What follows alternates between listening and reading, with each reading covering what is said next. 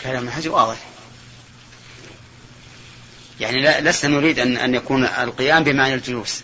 نحن نريد أن يكون الجلوس بمعنى القيام. هنا.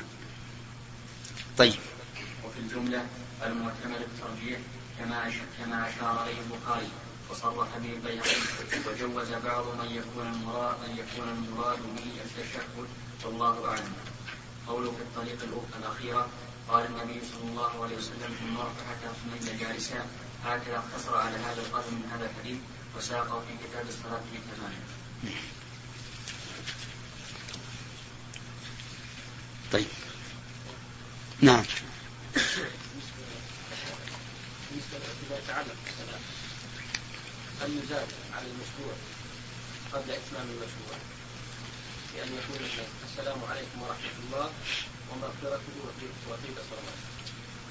يعني يحذف يعني يحذف المشروع ويأتي بغيره؟ لا, لا الأفضل المحافظة على المشروع في كل شيء. المحافظة على المشروع في كل شيء ثم الزيادة تأتي بعده. هذا الأفضل في هذا وفي الدعاء وفي الأذكار وفي كل شيء نعم ها؟ طيب. آدم يقول ما لا أحد يسأل. ما سألنا. ها؟ اي طيب يلا هات. وكان الإنسان أكثر شيء جدلا. نعم. يعني ما ما سمعت منه غير السين بس. يعني صحيح. بعض الناس ما يسمع عنه إلا السين لأنها من حروف الصفير. ما السلام والله إذا إذا لم تسمع منه إلا السين لا تسمعه إلا السين. إذا حييتم بتحية فحيوا بأحسن منها أو ردوها نعم. نقول من هذا الحديث آه أن المرء ما يخلص بعدم العلم من العمل. أي هذه مهمة يعني ينبغي التنبيه عليها. يعني يقول يؤخذ من هذا الحديث أن الإنسان لا يعذر بالجهل. نعم. لأن الرسول صلى الله عليه وسلم قال ارجع فصلي فإنك لم تصل هكذا قال الأخ هداية الله. وقال غيره يؤخذ من هذا الحديث أن الإنسان يعذر بالجهل. قال لأن النبي صلى الله عليه وسلم لم يأمره بإعادة ما مضى مع أنه لم يصلي. لكن لما كان في وقت الصلاة الآن هو الآن مطالب بالصلاة. فلا تبرأ ذمته ما دام ما دام في الوقت إلا بصلاة صحيحة. معلوم؟ طيب. على كل حال هذه النقطة مهمة.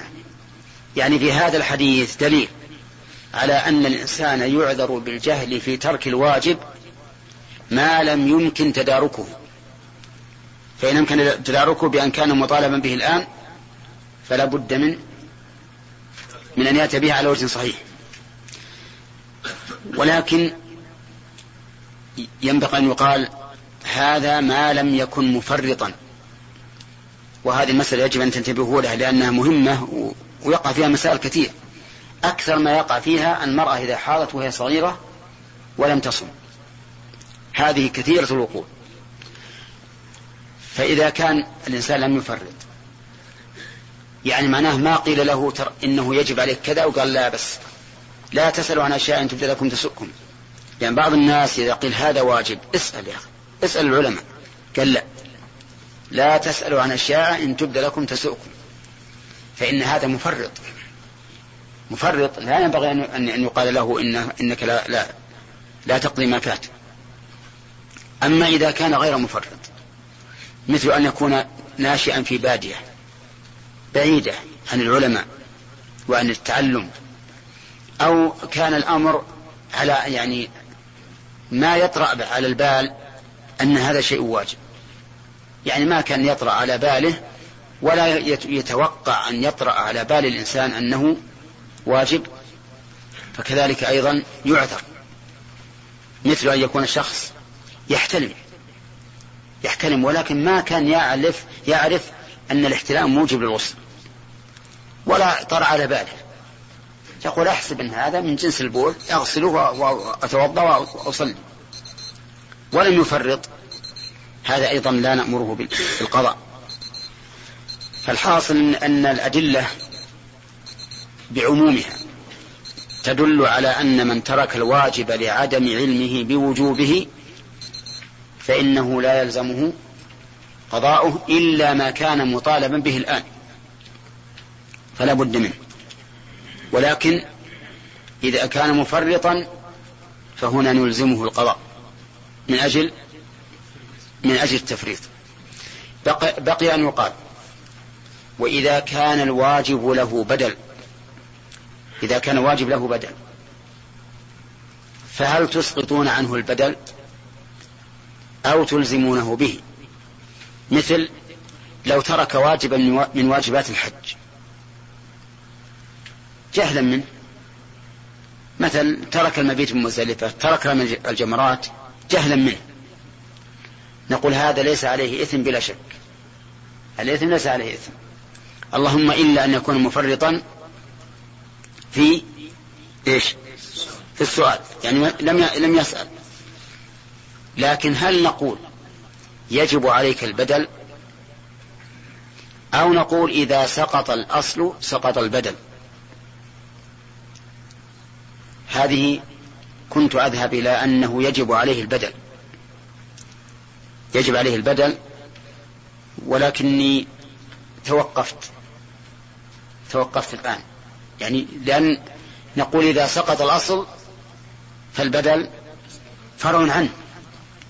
إذا سقط الأصل فالبدل, فالبدل فرع عنه. ولكن وجه التوقف؟ أن نقول البدل مؤقت بوقت. أو مقيد بحال قصدي الأصل مو البدل. الأصل مؤقت بوقت أو مقيد بحال والبدل ليس كذلك. يعني مثلا المبيت من مزدلفة مؤقت ها بوقت معين وزاد. لكن ذبح الفدية لترك الواجب هل مقيد؟ غير مقيد. غير مقيد. فهي يعني محل تردد عندي.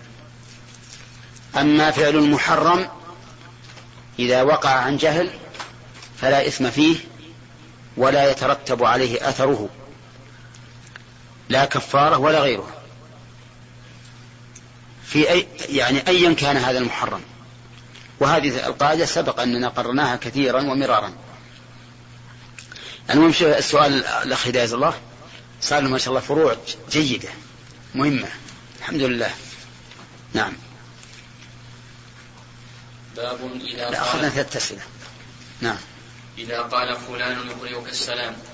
حدثنا أبو نعيم قال حدثنا زكريا قال سمعت عامرا يقول حدثني أبو سلمة بن عبد الرحمن أن عائشة رضي الله عنها حدثت أن النبي صلى الله عليه وسلم قال لها إن جبريل يقرأ عليه السلام. قالت وعليه السلام ورحمة الله.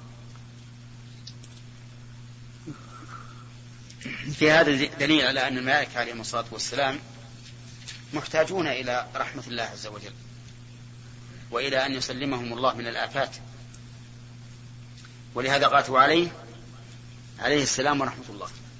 وفي هذا دليل على أنه لا يلزم أن تقول لمن نقل السلام إليك عليك وعليه السلام. ما هو شرط؟ لأن هذا مبلغ. الناقل مبلغ. رسول. والذي دعا لك بالسلام من؟ ها؟ اللي دعا لك بالسلام. الأول. الأول المرسل. ولهذا تقول عليه السلام. نعم. نعم. إيش؟ ما يجب عليك بدل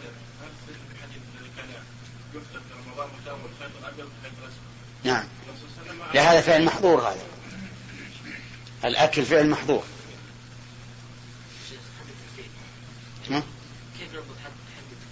نعم. من التفريط أن يكون عائشا في أوساط متعلمة.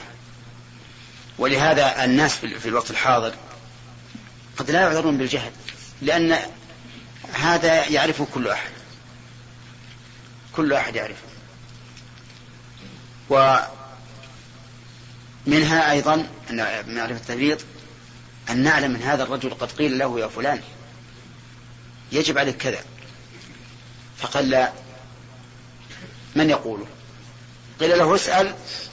قال لا تسألوا عن أشياء إن تبد لكم تسؤكم ترى هذه واقعة ما هي يعني مسألة فرضية؟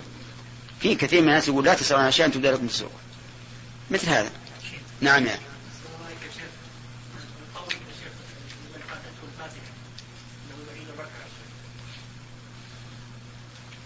كيف؟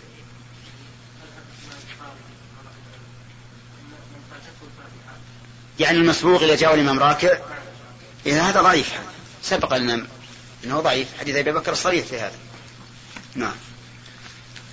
باب التسليم في مجلس فيه أخلاط من المسلمين من المسلمين والمشركين حدثنا إبراهيم بن موسى قال أخبرنا قال أخبرنا هشام عن معمر عن الزهري عن عروة بن الزبير قال أخبرني أسامة بن زيد أن النبي صلى الله عليه وسلم ركب حمارا عليه إكاف تحته قطيفة فدكية وأردف وراءه أسامة بن زيد وهو وهو يعود سعد بن عبادة في بني الحارث في بني الحارث بن الخزرج.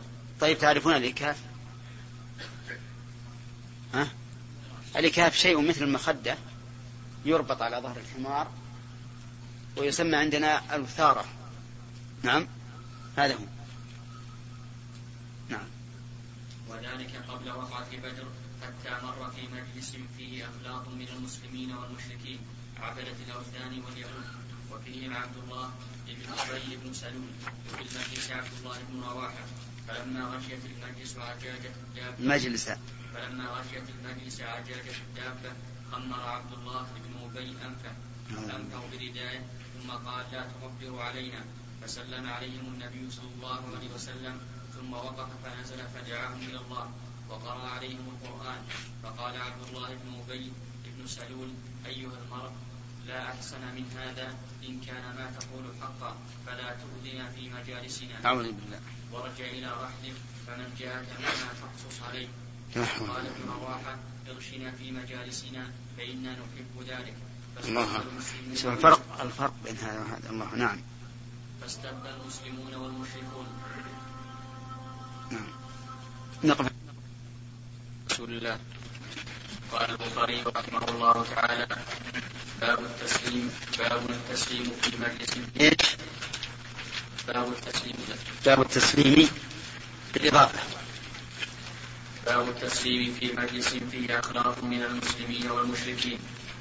حدثنا إبراهيم بن موسى قال أخبرنا هشام عن معمر عن الزهري عن عروة بن الزبير قال أخبرني أسامة بن زيد أن النبي صلى الله عليه وسلم ركب حمارا عليه إكاف تحته قطيفة فدرية وردف وراءه أسامة بن زيد وهو يعود سعد بن عبادة في بني الحارث بن الخزرج وذلك قبل وقعة بدر حتى مر في مجلس فيه أخلاط من المسلمين والمشركين عبدة الأوثان واليهود وفيهم عبد الله بن أبي بن سلول وفي المجلس عبد الله بن رواحة فلما غشيت المجلس عجاجة الدابة خمر عبد الله بن أبي أنفه. أنفه بردائه ثم قال لا تغبروا علينا. فسلم عليهم النبي صلى الله عليه وسلم ثم وقف فنزل فدعاهم إلى الله. وقرأ, وقرأ عليهم القرآن فقال عبد الله بن أبي بن سلول أيها المرء لا أحسن من هذا إن كان ما تقول حقا فلا تؤذنا في مجالسنا. وارجع إلى رحلك فمن جاءك منا فاقصص عليه قال ابن قال ابن رواحة قال ابن رواحة قال ابن رواحة ارشنا في مجالسنا فإنا نحب ذلك. فاستبدى المسلمون والمشركون واليهود حتى هموا أن يتواثبوا فلم يزل النبي صلى الله عليه وسلم ثم ركب ثم ركب دابته ثم ركب دابته حتى دخل على سعد بن عبادة. فقال أي سعد ألم تسمع ما قال أبو خباب يريد عبد الله بن أبي. قال كذا وكذا. قال اعف عنه يا رسول الله واصفح فوالله لقد أعطاك الله الذي أعطاك. ولقد اصطلح أهل هذه البحر على أن يزوجوه على أن يزوجوه فيعصبونه بالإصابة فلما رد الله ذلك بالحق بالحق الذي أعطاك شرط بذلك. فذلك فعل به فذلك فعل به ما رأيت. عنه النبي صلى الله عليه وسلم. بسم الله الرحمن الرحيم. هذا الحديث هذا الحديث سبق لنا في, زمن غير بعيد. وفيه أن الإنسان إذا مر بمجلس فيه كفار ومسلم ومسلمون فإنه يسلم. لكن قال العلماء ينبغي أن ينوي بذلك السلام على المسلمين دون من معهم من المشركين. وفي هذا الحديث من الفوائد تواضع النبي صلى الله عليه وسلم بركوبه الحمار وإردافه أسامة بن زيد. لأن أهل الكبر لا يركبون مثل الحمير إنما يركبون الخيل المسومة. وأيضا لا يردفون أحدا معهم بل يختصون في المركب. ولكن الرسول صلى الله عليه وسلم كان أشد الناس تواضعا. وفي أيضا الركوب لعيادة المريض أي أن المريض يعاد ولو من مكان بعيد. فلو ركب الإنسان السيارة ليعود المريض من مكان بعيد فلا بأس. وفيه بيان ما عليه المنافقون من شدة العداوة للإسلام ومن يحمل الإسلام. وفي أيضا الكبرياء والأطرسة من عبد الله بن أبي. وذلك أنه خمر أنفه بردائه تكبرا واحتقارا لرسول الله صلى الله عليه وسلم. ولهذا قال لا تغبروا علينا. وفيه أيضا أن الرسول صلى الله عليه وسلم لا يدع فرصة يدعو الناس فيها إلى الله إلا انتهز هذه الفرصة. ولهذا وقف عليه الصلاة والسلام ودعاهم إلى الله عز وجل. وفيه أيضا أنه ينبغي للداعية أن لا يدعو الناس وكأنه لا يريد أن يطمئن. يعني أنه إذا كان على مركوب فإنه ينزل ليريهم أنه مطمئن في ذلك. وليبين لهم أنه متواضع. حيث نزل من مركوبه ليدعوهم. وفيه أن أفضل ما يدعى به الناس كلام الله عز وجل. ولهذا قرأ عليهم القرآن. ولا شك أن القرآن يؤثر تأثيرا بالغا خصوصا إذا قرأه شخص من قلبه ووقف في مواقفه فإنه يتبين من معانيه ما لا يتبين مما لو قرأه الإنسان بلسانه ولم يقف في المواقف التي ينبغي أن يقف عليها. وفيه أيضا أن المنافق لا يرد الحق ردا قاطعا ولكنه يشكك. ولهذا قال عبد الله بن أبي لا أحسن من هذا إن كان ما تقول حقا. ولم يقل هذا كلام باطل أو كلام أساطير الأولين أو ما أشبه ذلك لكن وضع هذه النقطة السوداء وهي قوله إن كان ما تقول حقا لأن المنافقين من عادتهم المراوغة وعدم الصراحة والبيان. وفي أيضا دليل على أن المنافقين يتأذون بالدعوة إلى الله. يتأذون بها ويضيقون بها ذرعا. ولهذا قال لا تؤذنا في مجالسنا. ولكن المؤمن عبد الله بن رواحة رضي الله عنه قال اغشنا في مجالسنا فإننا نحب ذلك. ففرق بين هذين الرجلين الله أكبر مع أنهم كلهم من بني آدم لكن هذا والعياذ بالله منافق وهذا مؤمن.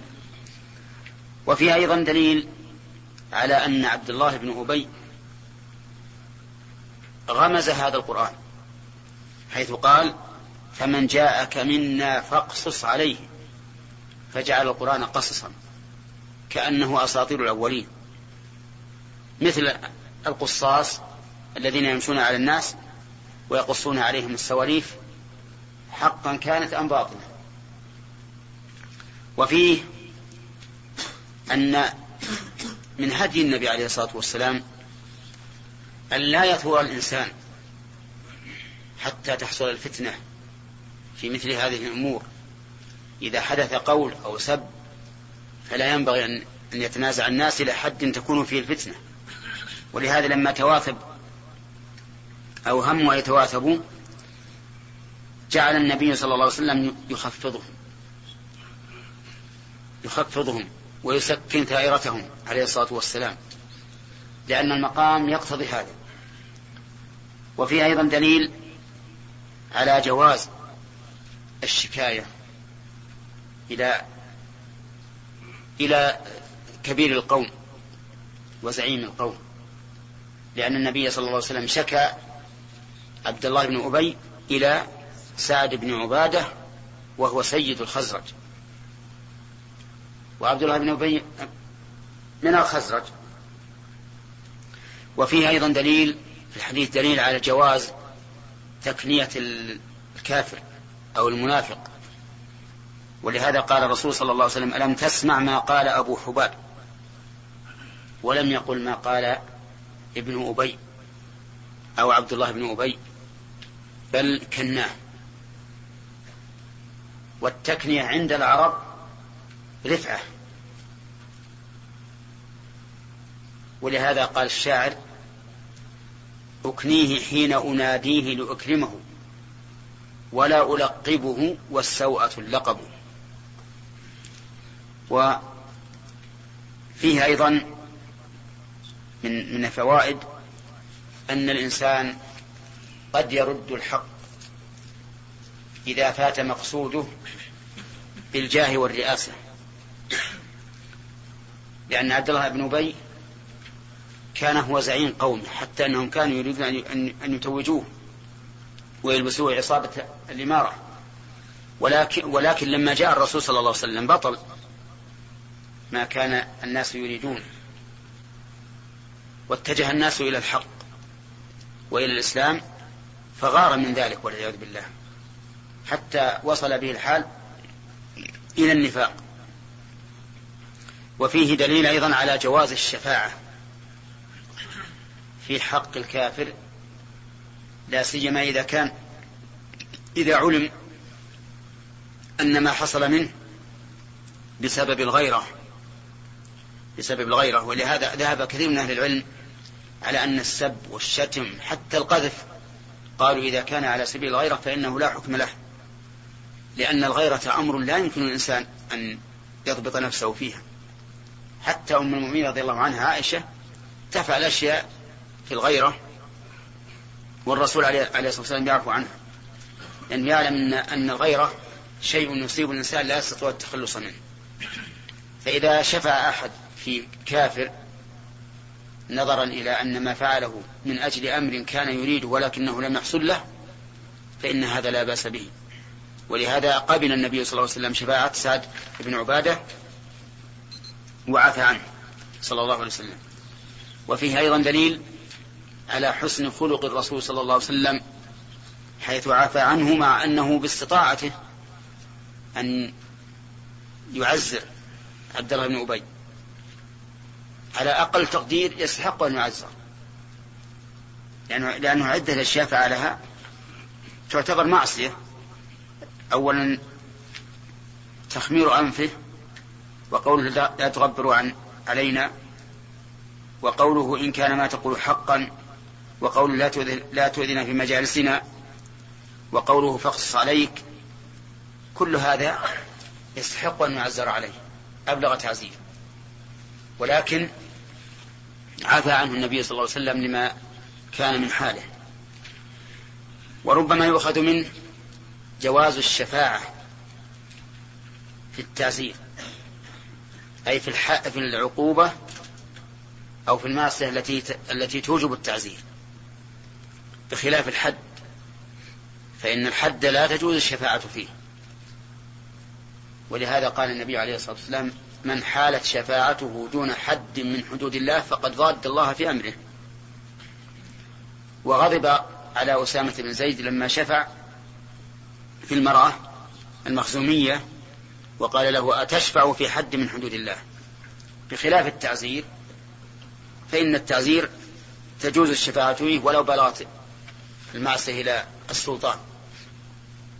لأن السلطان أو الحاكم يجوز له أن يقيم التعزير ويجوز أن لا يقيمه. وإن كان ظاهر كلام الفقهاء أن التعزير واجب ولا يجوز سقوطه لكن الصحيح أن للإمام إذا رأى المصلحة في إسقاط التعزير أن له أن يفعل. نعم. على نعم قال السلام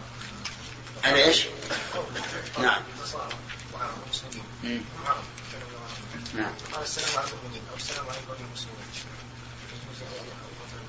لا لولا أن يسلم السلام عليكم. لأنه اذا اذا رأى السلام على المؤمنين صار فيها شيء من الفتنة.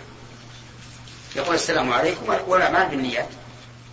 وربما نأخذ منها فائدة أيضا هذه. وهو أن النية تخصص العام النية تخصص العام وهو كذلك. فإن الإنسان إذا ذكر لفظا عاما ونوى به الخاص فإنه حسب نيته.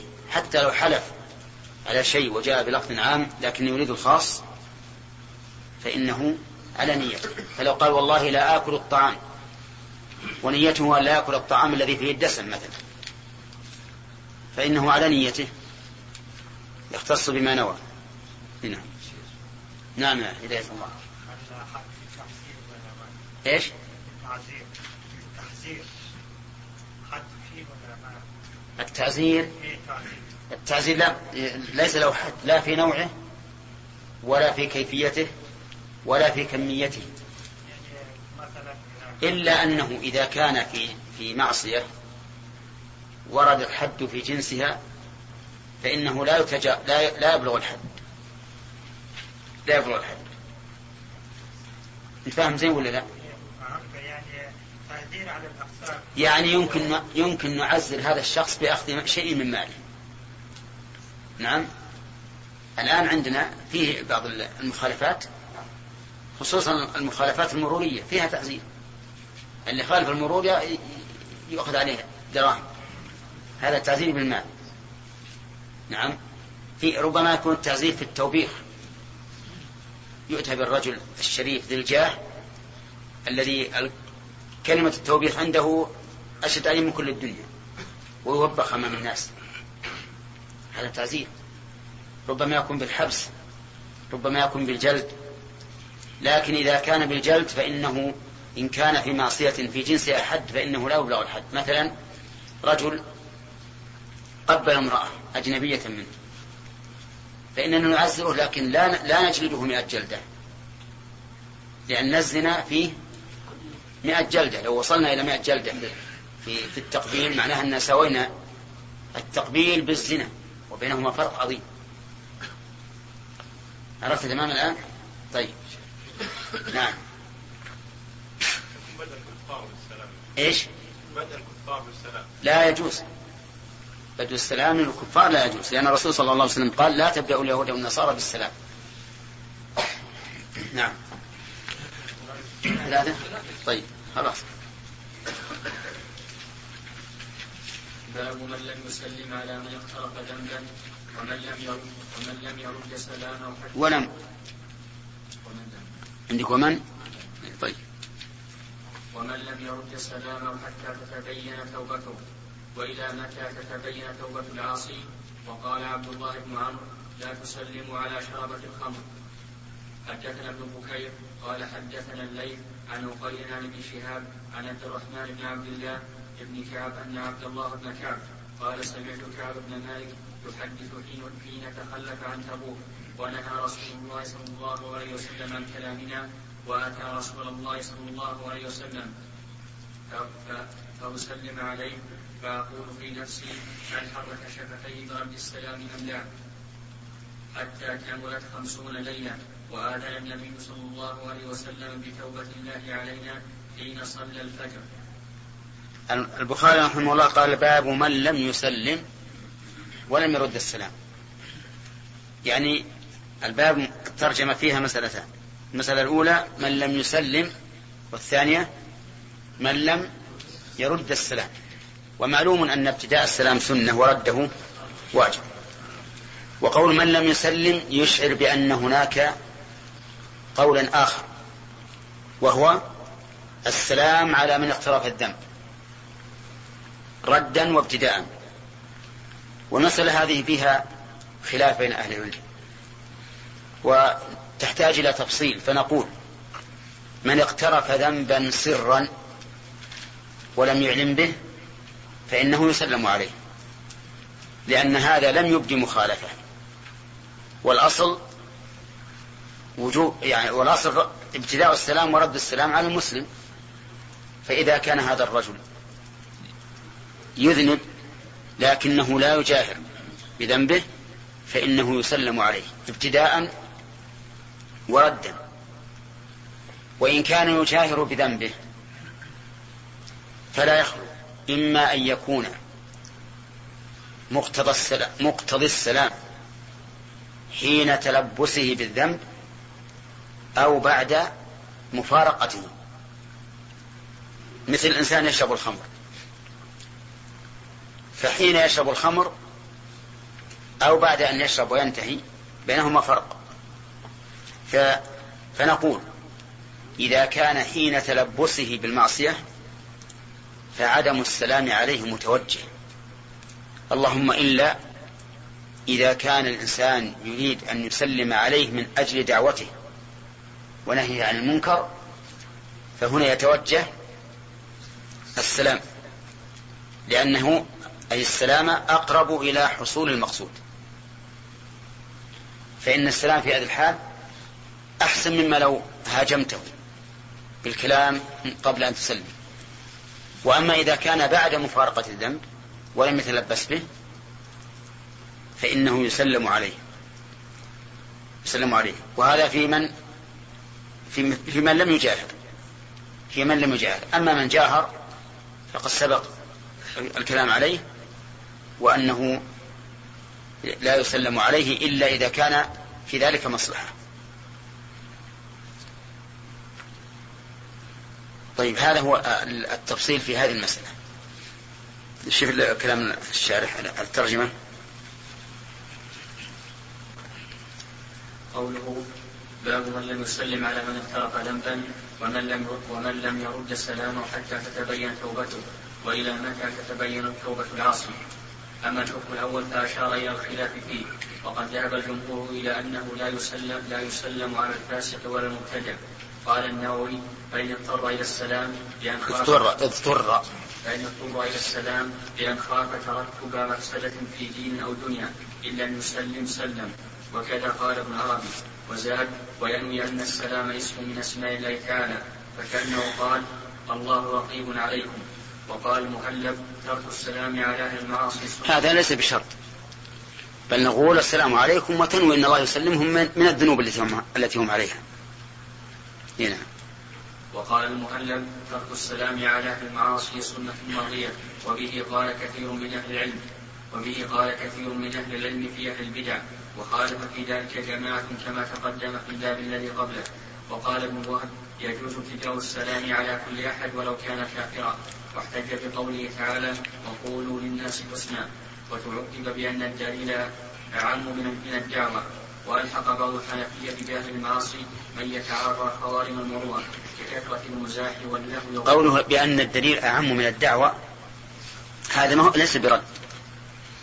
إلا حيث وجد حيث وجد تخصيص إلا حيث وجد تخصيص لأن الممنوع هو أن يكون الدليل أخص من الدعوة. أما إذا كان أعم فللمدعي أن يقول اللفظ عام اللفظ عام.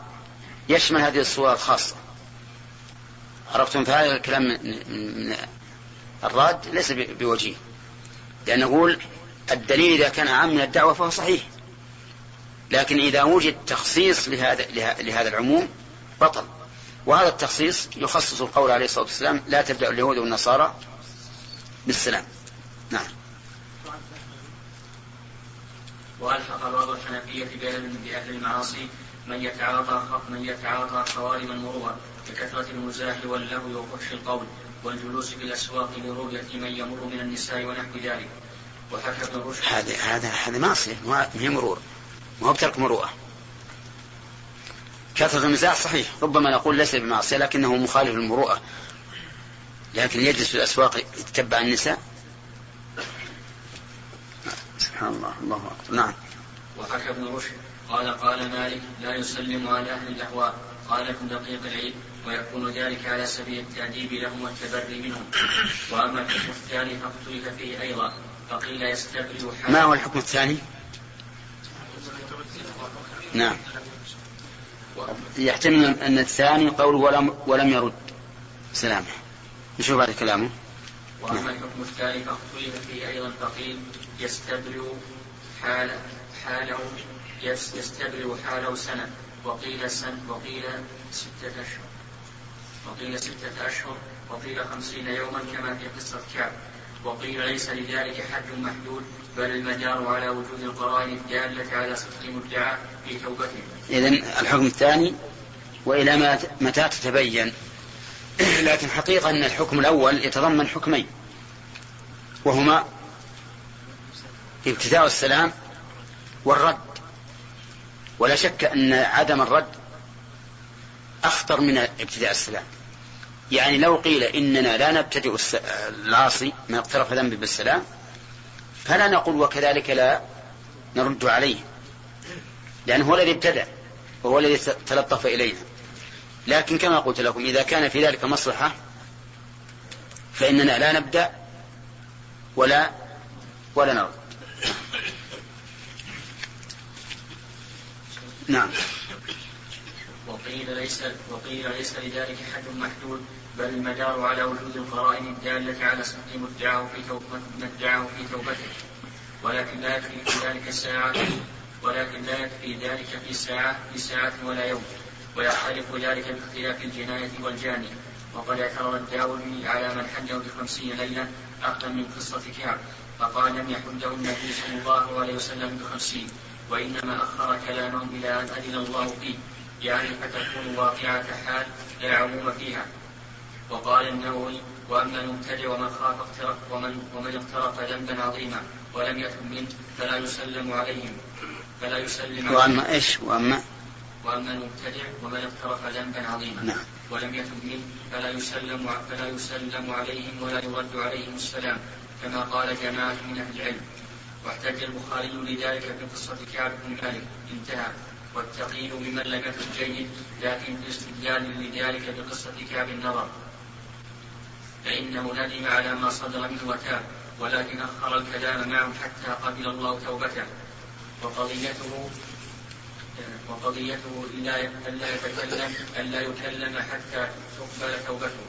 ويمكن الجواب بأن الاطلاع على على القبول في قصة كعب كان ممكنا. وأما بعده فيكفي ظهور علامة الندم والإقلاع وأمارة صدق ذلك. قوله اقترف أي اكتسب وهو تفسير الأكثر. وقال أبو عبيدة الاقتراف التهمة. قوله وقال عبد الله بن عمرو لا تسلم على شربة الخمر. بفتح, بفتح الشين المعجمة والراء بعدها موحدة جمع شارب. وقال قال ابن الدين لم يجمعه اللغويون كذلك. وإنما قالوا شارب وإنما قالوا شارب وشرب. مثل صاحب شارب وشرب مثل صاحب وصاحب انتهى. وقد قالوا فسق وكذب في جمع فاسق وكاذب وهذا الأثر وصله البخاري في الأدب المفرد من طريق حيان بن أبي جبلة بفتح الجيم والموحدة. عن عبد الله بن عمرو بن العاص بلفظ لا تسلم على شراب الخمر. وبه إليه قال لا تعود شراب الخمر إذا مرضوا وأخرج الطبري عن علي موقوفا نحوه. وفي بعض النسخ من الصحيح وقال عبد الله بن عمر بضم العين وكذا ذكره الإسماعيلي وأخرج سيد المنصور بإسناد ضعيف عن ابن عمر لا تسلموا على من شرب الخمر ولا تعودوهم إذا مرضوا ولا تصلوا عليهم إذا ماتوا إذا ماتوا. وأخرج ابن علي بإسناد أضاف منه عن ابن عمر مرفوعا قوله حدثنا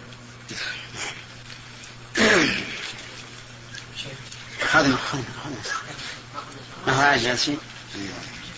طيب.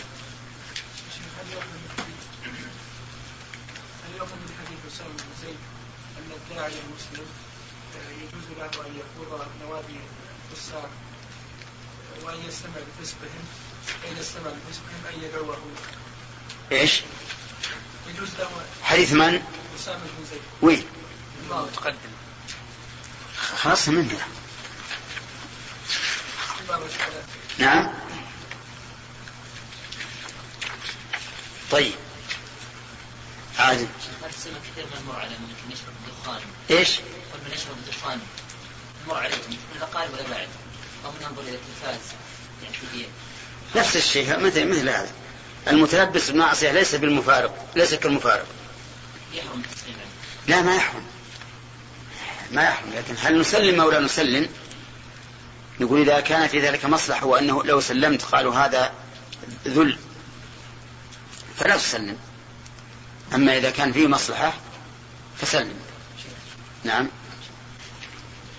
بعض الناس يقول السلام دلنا يا أخي طبعا ما نقله ابن حجر عن بعض الحنفية. ها؟ ما- نقله ابن حجر عن بعض الحنفية أنه لا يسلم على بعض على من فعل بعض خوارم صحيح هو إحنا ذكرنا فيما سبق قاعدة أن الأصل أن المؤمن لا يجوز هجره لا يحل لأحد أن يهجر أخاه فوق ثلاث. هذا الأصل. لا السلام إذا إذا لم تسلم هذا أعظم الهجر. لكن قلنا إذا كان في ذلك مصلحة فهجر. هذا هي القاعدة. لكن بقينا من اقترف الذنب حال وجود فعله الذنب هو الذي فيه التفصيل. الذي يمزح لا سلم عليه لا باكر تشوف اللي يمزحون ما سلم عليه. سلم عليه نعم. بعض الناس يقول ها؟ بعض الناس نعم. السلام نعم يا عبد الرحمن. باب كيف الرد على أهل الذمة برزق السلام. حدثنا أبو اليمان قال أخبرنا شعيب عن الزهري قال اخبرني عروة أن عائشة رضي الله عنها قالت دخل رهط من اليهود على رسول الله صلى الله عليه وسلم فقالوا السلام عليكم. ففهمتها فقلت عليكم السلام واللعنة. نعم. فقال رسول الله صلى الله عليه وسلم مهلا يا مهلا يا عائشة فإن الله يحب الرفق في الامر كله. فقلت يا رسول الله أولم تسمع ما قالوا؟ قال رسول الله صلى الله عليه وسلم قد قلت عليكم. اللهم صل وسلم. حدثنا عبد الله بن يوسف قال أخبرنا مالك عن عبد الله بن دينار عن عبد الله بن عمر رضي الله عنهما أن رسول الله صلى الله عليه وسلم قال إذا سلم عليكم اليهود فإنما يقول أحدهم السلام عليكم فقل وعليكم. وحدثنا عثمان بن أبي شيبة قال حدثنا هشيم قال أخبرنا عبيد الله ابن أبي بكر بن أنس ابن أبي بكر بن أنس قال حدثنا أنس بن مالك رضي الله عنه قال قال النبي صلى الله عليه وسلم إذا سلم عليكم أهل الكتاب فقولوا وعليكم. هذا هذا الباب كما قال المؤلف رحمه الله كيف يرد على أهل الذمة إذا سلم؟ وأتى به المؤلف بصيغة الاستفهام إحالة على ما يفهم من الأحاديث. ذكر حديث عائشة رضي الله عنها أنه دخل رهط على رسول الله صلى الله عليه وسلم من اليهود فقالوا السام عليك السام يعني الموت. يعني الموت. إذن السام عليك بإزاء قولك الموت عليك. ففهمتها عائشة رضي الله عنها. قالت عليكم السام واللعنة. إذا حييتم بتحية فعليكم السام هذا الموت والهلاك. اللعنة الطرد والإبعاد عن رحمة الله. فهي قابلتهم بأسوأ مما قالوا. واليهود لا شك أنهم أهل لذلك. وقد قال النبي عليه الصلاة والسلام لعنة الله على اليهود والنصارى. اتخذوا قبور أنبيائهم مساجد. لكن المقام لا يقتضي هكذا. ولهذا قال لها النبي عليه الصلاة والسلام مهلا يا عائشة فإن الله يحب الرفق في الأمر كله. الكلمة العظيمة يحب الرفق في الأمر كله. لا في العبادات ولا في المعاملات ولا في المخاطبات ولا في الأمر بالمعروف والنهي عن المنكر. فالله يحب الرفق. خذ هذه القاعدة استعملها في كل أحوالك. كن رفيقا. لو لم يأتك من الرفق إلا أن ذلك محبوب إلى الله عز وجل لكان كافيا. وإذا أتيت إلى الله ما يحب أعطاك ما تحب. طيب و وأخبر النبي عليه الصلاة والسلام أيضا في لفظ آخر وإن الله يعطي بالرفق ما لا يعطي على العنف وهذه فائدة عاجلة. إذا إذا رفقت في الأمر أعطاك ما لا يعطيك في, في العمر. هنا لما قال إن الله يحب الرفق في الأمر كله وهم يسمعون اليهود يسمعون كلام الرسول له قالت قلت يا رسول الله أولم, تس أولم تسمع ما قالوا؟ قال قد قلت وعليكم. إذا قال السلام عليك قلت وعليك وش اللي عليك؟ السلام. إذا أعطيته مثل ما أعطاني مع الرفق والهدوء. وإن عاقبتم فعاقبوا بمثل ما عوقبتم به. وأما الحديث الثاني قال إذا سلم عليكم اليهود فإنما يقول أحدهم السام عليك فقل وعليك. فأخبر النبي صلى الله عليه وسلم أن اليهود يلوون ألسنتهم فيقول السام عليك من غير أن يبين ولكن ولكن قال قول وعليك وعليك. وعلم من قوله فإنما يقول أحدهم السام عليك. أننا لو علمنا أن الكافر قال السلام فإننا نقول عليكم السلام ولا حرج. لأن لأن الرسول صلى الله عليه وسلم إنما قال قول عليك لأنهم يقولون السلام عليكم. ثم إننا نقول لا حرج أن تقول